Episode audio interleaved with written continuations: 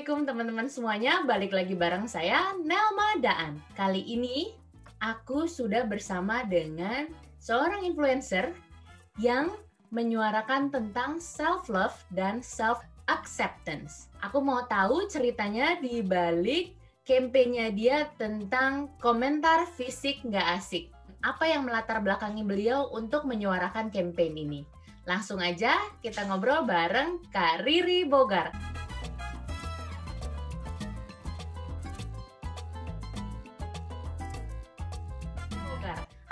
Riri. Hai Nelma. Terima kasih banyak ya udah mau aku gangguin nih untuk sharing bareng aku dan teman-teman yang nonton di sini. Sama-sama. Kan kali ini sebagai influencer yang menyuarakan soal self acceptance eh, dan self love. Kariri juga mempunyai campaign komentar fisik nggak asik. Sebenarnya ini latar belakangnya gimana sih kak? Sebenarnya latar belakangnya itu berawal dari ketidaksukaanku kepada diriku sendiri sih. Apa yang ada di badanku tuh kayak salah aja semuanya. Tapi melalui proses ya akhirnya aku bisa bisa tahu self love itu apa, self acceptance itu apa berdasarkan pengalaman hidup sih. Kalau kita selalu komplain, komplain, komplain tentang diri kita, akhirnya yang diterima sama tubuh kita juga komplainan aja terus. Tapi kalau kita sudah mulai menghargai tubuh kita, sudah mau mulai menerima tubuh kita, ya akhirnya kan tubuh kita juga jadinya kayak, ah, manusia ini sudah mau menghargai uh, tubuhnya gitu. Proses-proses belajar. Positivity yang masuk ke badan kita, ke pikiran kita yang harus iya, ditanamkan. Ya, dan itu proses ya. Maksudnya, oh baca buku hari ini, besok udah bener. Oh lihat film, atau oh lihat talk show, terus besok udah bener ya nggak gitu sih. Eh, masa kecil Karina seperti apa sih? Oh, masa kecil aku itu sangat sangat sangat bahagia. Sampai mau makan apa aja nggak pernah dilarang. Setiap weekend kita tuh punya jadwal keluar ke ke restoran makan and then kita boleh makan apa aja. Jadi kayak almarhum papa sama mama udah makan aja nggak apa-apa. Ya orang tua dulu ya hanya hanya ngasih sayang benar-benar sayang tapi nggak membekali anak-anaknya dengan uh, pengetahuan bagaimana ketika tubuhmu berbeda dari orang lain kemudian menghadapinya seperti apa. Tapi menurut orang tua, eh, that's fine, apalah. Kita happy, papa happy bisa bisa kasih kalian uh, kehidupan yang baik, why not? But then ketika kita masuk, ketika kita ada di luar keluarga, itu ketemu orang-orang yang badannya gede amat sih, makannya apa gitu. Nah itu kita yang, aduh gimana nih? Harus dari keluarga sih harus dari keluarga kita sih yang juga kayak tahu gitu sampai di mana sih ngasih sesuatu yang bikin anaknya happy tuh sampai di mana gitu. Akhirnya aku belajar sendiri counternya tuh seperti apa sih? Balikin omongan-omongan negatif orang tuh seperti apa sih? Belajarnya bagaimana? Ya belajarnya gitu baca buku lihat acara-acara yang positif ya tapi itu tetap proses ya prosesnya cukup lama sih Karina waktu kecil maaf memang sudah bentuknya berbeda gitu, besar, gemuk. Aku SMP aja udah 80 kilo loh. Dan ketika kalau perempuan itu kan perubahan tubuhnya itu kan ketika dia menstruasi ya. Seharusnya menurut aku nih setelah aku pelajari menstruasi pertama itu anak perempuan tuh makannya harus benar-benar dijaga sih. Makan apa aja boleh tapi porsinya yang benar gitu kan. Ya. Tapi aku tidak menyesal sayangnya orang tuaku dulu enggak. Justru itu jadi uh, pelajaran buat aku bagaimana aku berbagi informasi kepada yang lain untuk supaya ke oke ke anak-anaknya atau ke dirinya sendiri itu bagaimana. Waktu masa remaja itu Kak dengan karir yang tumbuh berbeda boleh dikatakan seperti itu ya. Nah, ya itu. Sampai nanya, "Tuhan, kenapa sih saya gendut?" gitu. Hmm. Terus ngunci diri aja di kamar. Malu mau keluar. Terus kayak apa ya kayak, "Ih, kok teman-teman yang lain udah ada pacar, aku belum sih?"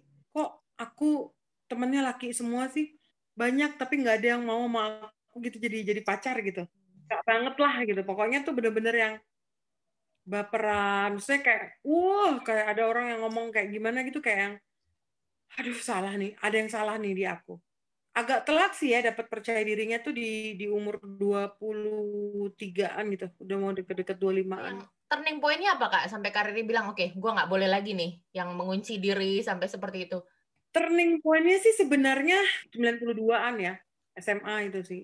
Hmm. itu sebenarnya waktu ngeliat Oprah Winfrey ya di TV dia kan ada talk show tuh Nah, Oprah Winfrey itu dulu tidak seperti sekarang ya. Pertama kali muncul banget tuh Oprah Winfrey bisa googling lah. Terus aku tuh yang nonton nonton beliau tuh yang ini perempuan kulitnya putihan aku. Oke, aku gemuk tapi kayaknya aku nggak segemuk itu. Aku comparing ya. Kok dia bisa kayak gitu? Tapi kok dia bisa punya TV show di Amerika juga pula banyak banget orang kulit putih dan dia tuh kulit hitam loh ya kan dan muncul di TV having her own TV show itu kan gila ya Oke, ini perempuan nih luar biasa. Terlepas dari berbagai macam cerita tentang dia ya, tentang op seorang Oprah Winfrey ya. Turning point-nya itu sih. Tapi ya gitulah proses kan ya, up and down. Balik ke Indonesia, aku down lagi sih sebenarnya. Karena treatment di Indonesia tuh bener-bener yang gila sih. Uh, body shaming itu seberapa impactnya seberapa besar sih kak ke, ke orang yang menerima itu? Besar ya, karena ada yang sampai bunuh bunuh diri gitu ya. Hmm. Karena karena omongan yang merusak hati gitu. Aku sendiri coaching she's okay now, tapi dia sampai yang benar-benar mau bunuh diri tuh karena body shaming gitu kan. Makanya sampai ada komentar fisik nggak asik tuh karena ya ketika kamu mengomentari fisik seseorang nggak akan asik. Masih ada yang protes juga ketika aku bikin komentar fisik nggak asik. Jadi ada pertanyaan seperti uh, kalau komentar fisiknya asik gimana? Coba kayak gimana komentar fisik yang asik? Itu like tiga menit itu lama ya untuk berpikir komentar fisik yang asik ya. Hmm. Tapi ketika aku bilang coba komentar fisik yang nggak asik, cepat. Wah, jadi terus aku bilang itu maksudnya. Aku bilang jadi sebelum bertanya mungkin berpikir dulu ya. Kan gitu ya. Banyak orang main tanya-tanya-tanya aja tapi nggak kayak misalnya badan gede amat makannya apa sih?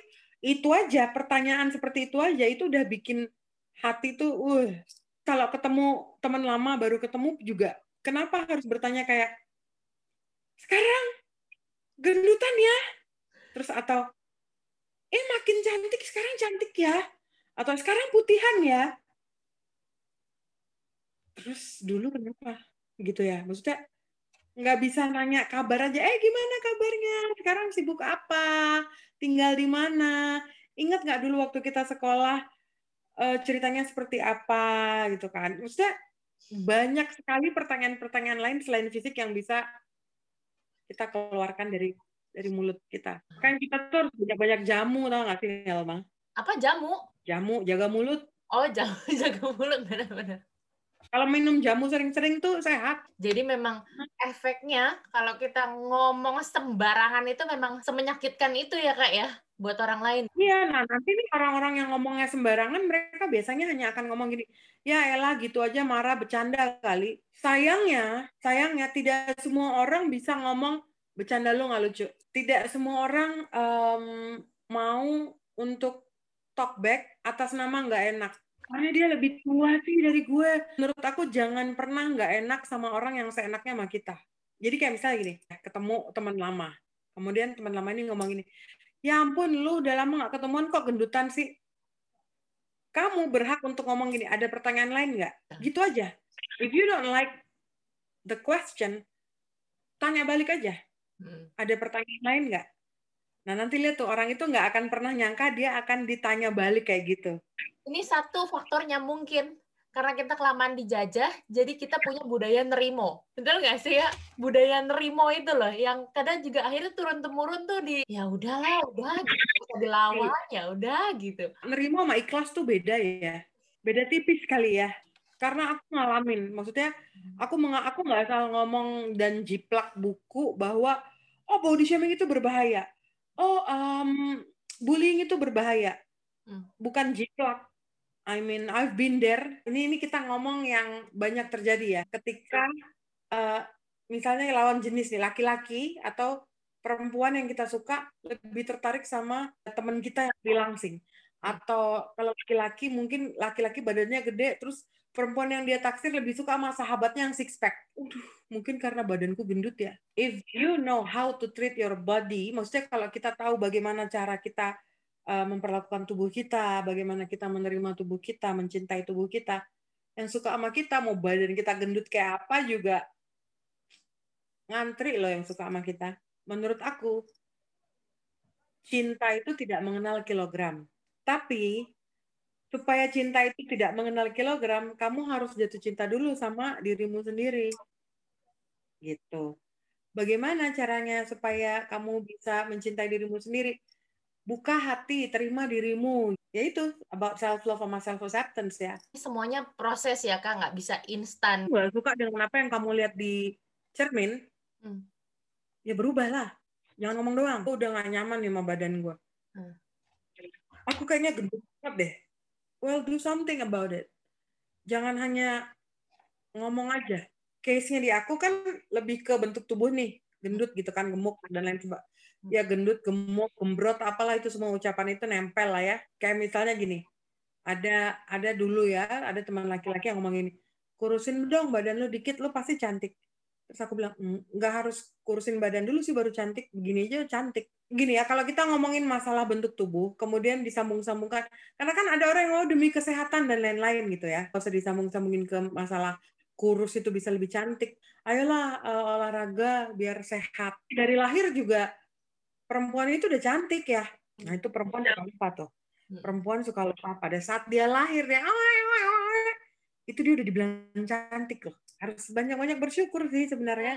Kariri ceritain dong dulu um, awalnya idenya bisa sampai Kariri bikin komunitas apa extra large terus bikin uh, kompetisi Miss Big. Kayaknya itu kan cukup menggebrak dunia hiburan mungkin ya kak? Sebenarnya gara-gara dulu itu uh, kayak pengen ngumpulin teman-teman yang sevolume aja sih.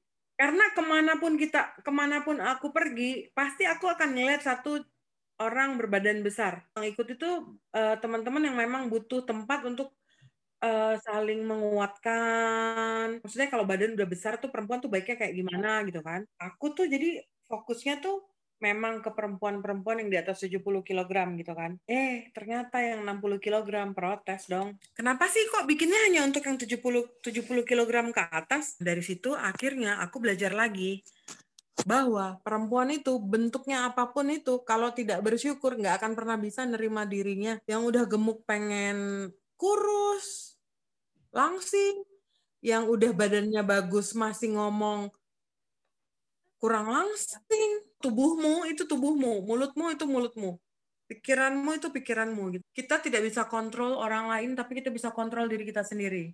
Orang lain mau ngomong apa aja, itu hak mereka. Tapi harus ingat, kita pun berhak untuk ngomong kalau kita nggak suka. Karirnya emang sekarang beratnya berapa? Sekarang 110. 110 tinggi? 170. Biasa pakai baju, jadi kalau kayak gini ukurannya apa? Double XL. Double XL. Luar tuh 20 ya.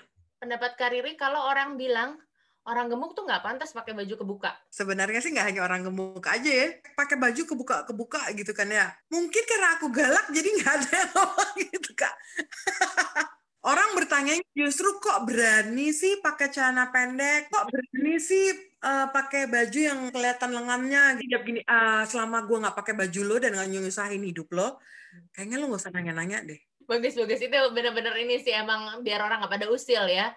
Pokoknya gini, ketika kita sudah siap pakai baju terbuka, hmm. kita juga sudah siap dengan komentar orang. Karena either either way ya, mau kita pakai kebuka atau kita pakai baju ketutup itu akan salah aja loh di mata orang. Udah gendut pakai baju ketutup ketutup nggak kepanasan apa? Salah kan? Itu paha ke mana-mana udah gendut nggak malu apa dilihatin orang? Salah lagi. Pakai baju tuh yang bikin kamu nyaman aja. In in my case kan berarti perempuan gemuk ya perempuan gendut ya berbadan besar. Aku selalu bilang kita tuh kalau udah gendut jangan maksa. Jangan pernah coba pakai ukuran S. Aku aku bersyukur lahir sebagai perempuan kemudian akhirnya tumbuh besar menjadi perempuan dengan 110 kg gitu ya. Kalau maksudnya gini ya, aduh lu tuh ya udah gendut, terus males, terus makan mulu, nanti kalau dibilang gendut penyakitan jangan marah ya. Tapi Kariri, Kariri pernah nggak sih uh, di tahap yang benar-benar pengen banget nurunin berat badan terus sampai konsum apa diet pill segala macam gitu? Ya pernah lah. Oh. Aku tuh bukan hanya sampai makanya aku bilang I know been there done it. Oke. Okay. Aku tuh udah sampai pernah kayak burung makannya pepaya doang, tau gak sih? Not only that ya, aku karena udah kerja, punya gaji sendiri, udah gak minta orang tua. Hmm. Ke dokter dong, suntik. Hmm. Aduh itu gila sih. ngebela sampai jantung berdebar-debar, keringet dingin. Terakhir, bilangin dong kak ke teman-teman yang masih suka melakukan body shaming, mesti diapain? Mm. Gini ya, yang masih suka melakukan body shaming, posisikan dirimu sebagai korban aja. Kalau nggak mau dicubit, jangan nyubit lah. Respect. Jangan jangan menghina kalau nggak mau dihina. Yang masih body shaming tuh stop sekarang juga body shaming bikin happy tapi bikin orang lain sedih. That's not good. Sebagai orang tua tuh cinta itu bukan ngasih makan apa aja ke anakmu. Tapi kalau kamu cinta sama anakmu, kasih makan yang bener, yang bener. Yang bener tuh nggak yang fast food every day. Hmm. And then uh, kasih teh dalam botol every day. Kayak diikutin aja maunya gitu. Iya gitu sih. Kasih iya. makan yang bener aja. Nanti dari situ kayak biar sehat, biar badannya sehat, biar nanti bisa jalan-jalan jauh sama papa mama. Orang tua yang punya anak kasih makan anaknya yang bener.